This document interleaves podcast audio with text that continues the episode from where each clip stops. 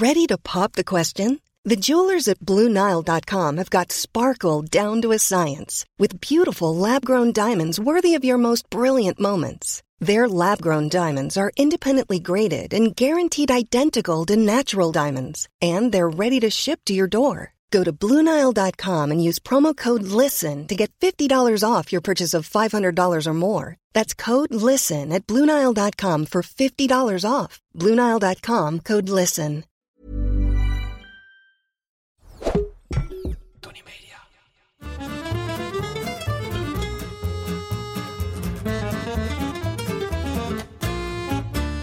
Ik ben Julius Jaspers en ik ben meer dan dol op eten. Iedere week pak ik één product uit mijn voorraadkast en zal jullie daar alles over vertellen. Vandaag is dat biefstuk en in mijn geval ribeye. En zet je schrap, want dit wordt een lange zit. Het is niet helemaal dan momenteel om te zeggen dat je van vlees houdt. Maar ik ben er dol op. Ik heb het er niet over dat ik een halve koe met mijn tanden uit elkaar scheur. Wat een hoop mensen, gezien mijn postuur, misschien denken. Maar goed eerlijk vlees en dan niet in een megaportie. Ik ben er dol op. En dan vooral van het varken en van de koe. Van de koe vind ik alles wat lang moet garen heerlijk. Maar niet direct super bijzonder. Ik krijg een sudderlapje lekker hoor. Maar wel met de hulp van uien, wortel, rode wijn, bouillon, wat kruiden, specerijen en een hoop tijd. Iedereen kan het. Nee, het wordt pas lastig met de kortgegaarde stukken van de wat edeler delen. De stukken die je rood of rosé wilt. Wat zeg ik? Moet houden. Die moeten het hebben van hun cuisson, de garing zeg maar, en van hun oorsprong. De manier van garen speelt ook nog een rol. In een pan, in de oven, op de barbecue en of je er een vetstof bij gebruikt. En zo ja, welke vetstof? Maar eerst even iets over de historie. Want vroeger aten we helemaal geen vlees en al helemaal niet van de koe. Koeien gaven melk en je keek wel uit die op te eten. Aan het einde van hun leven misschien, maar dan waren het vaak uitgeputte scharminkels. Mensen in Nederland aten vroeger vooral stampotten. Denk aan de aardappeleters. We eten nu ongeveer 39 kilo vlees per jaar. Maar dat was in de jaren 50 slechts 17 kilo. Vlees was toen duur en iets wat maar een enkele keer per week op tafel kwam. Duurdere delen, zoals de entrecote en de ossehaas, waren slechts voor de rijke happy few. Het verhaal wordt nu even wat minder gezellig, sorry. Als je veel vlees eet, is dat geen garantie voor een lang en beter leven. Een verhoogde kans op darmkanker en hart- en vaatziekten zijn slechts enkele nadelen. Maar wat te denken van het ineenstorten van de planeet, het mestoverschot, de stikstof door het boeren, de ozonlaag en natuurlijk dierenleed. Want niet alle koeien staan in een verwarmde stal, worden gemasseerd, krijgen bier te drinken en kijken de hele dag televisie, zoals de Japanse Wagyu-koeien. Binnen verschillende religies is rundvlees ook best een ding. Zo eten Hindoestanen geen rundvlees, want de koe is voor hen heilig. En Joden eten geen vlees van de voorvoet, althans als daar niet eerst onder rabbinaal toezicht de Achillespees uit is verwijderd.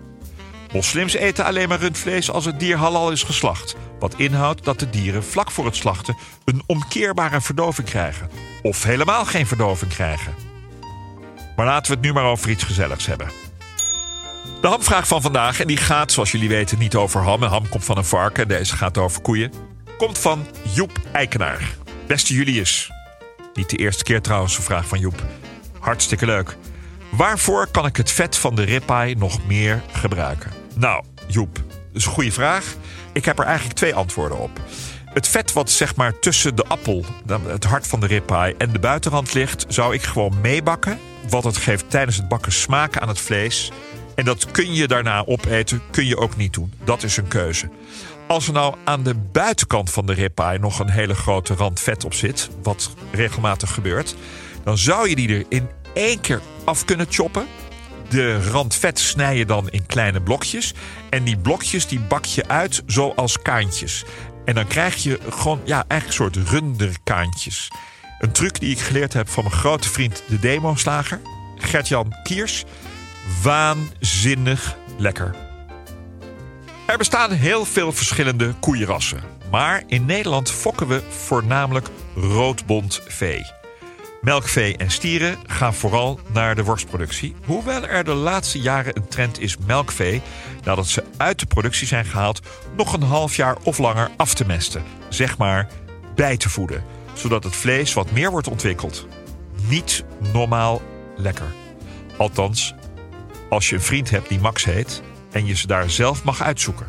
Speciale aandacht geef ik even aan het MRI-rund, het Maas-Rijn-IJsselrund met zo'n 40.000 dieren een belangrijke en vooral kwalitatieve speler in de markt. Waar topslager Piet van den Berg jarenlang ambassadeur voor is geweest. Van de Lindenhof komt het oorspronkelijk in Frankrijk levende Gasconne rund. En we hebben zelfs Nederlandse Wagyu.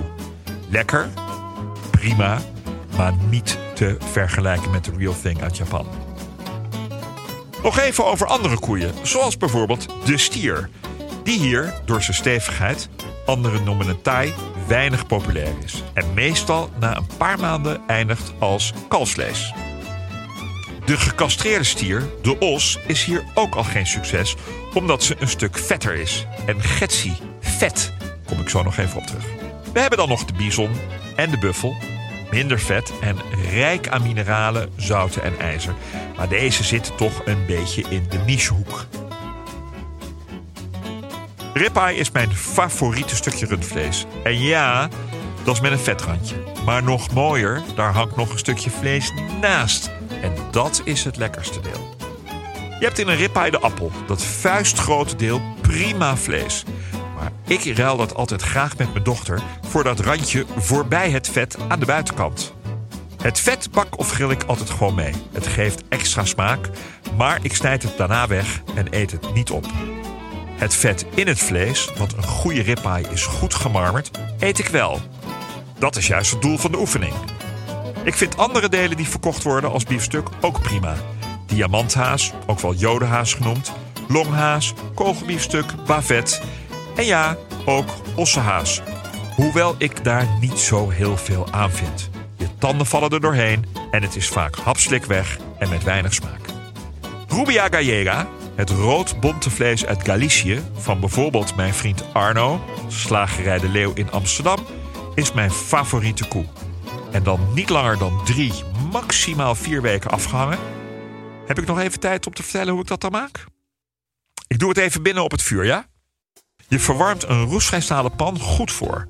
Giet er twee eetlepels neutrale olie in. Ik gebruik altijd zonnebloemolie. Zet het vuur iets hoger en wacht tot het eerste walmpje er net afkomt. Strooi grof zout, ik gebruik maldon, over de ribeye en leg haar met een glijdende beweging in de pan. Neem een stap terug en kijk naar het vlees met je handen op de rug. Niet aanraken. Beslist niet aanraken. Wacht tot je de randjes ziet omkrullen. Gooi een klomp boter in de pan. Wacht tot die is gesmolten. Til de ribeye met een tang uit de pan terwijl je het gesmolten vet door de pan walst en leg de ribeye op de rauwe kant weer in het vet. Draai dat nooit om met een vork, want dan prik je gaten in het vlees en loopt dat kostelijke sap eruit. We doen er juist alles aan om dat sap erin te houden. Zet de hittebron 10% lager en wacht tot ook de andere kant is dichtgeschroeid. Haal de ribeye uit de pan. De kerntemperatuur zal de 30 graden niet overstijgen en leg haar onder een dubbelvel aluminiumfolie. Niet dichtdrukken, gewoon folie erop leggen.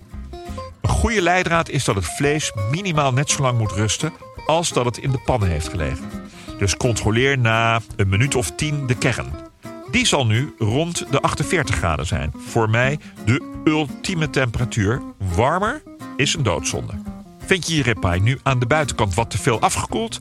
Haal haar dan nog heel kort door de koekenpan, die je natuurlijk op een klein vlammetje standby warm hebt gehouden. Peper strooi ik er pas na afloop overheen, anders verbrandt het maar. En een saus is een keuze. Super lekker hoor, maar een superieure ribeye heeft eigenlijk geen saus nodig. Wil je de ribeye op de barbecue maken? Ook helemaal top. Klik dan op de link in de beschrijving van deze aflevering voor het recept. Dat was hem over ribeye. Zeker niet alles, maar best wel wat. Wil je meer weten over iets in je voorraadkast? Stuur me dan een berichtje op Instagram. Of ik weet het al, of ik zoek het voor je uit. Maar ik geef altijd antwoord.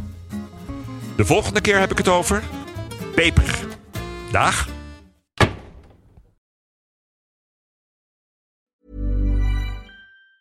Ever catch yourself eating the same flavorless dinner three days in a row? Dreaming of something better? Well, HelloFresh is your guilt-free dream come true, baby. It's me, Kiki Palmer. Let's wake up those taste buds with hot, juicy pecan-crusted chicken or garlic butter shrimp scampi. Mm. Hello Fresh. Stop dreaming of all the delicious possibilities and dig in at HelloFresh.com. Let's get this dinner party started.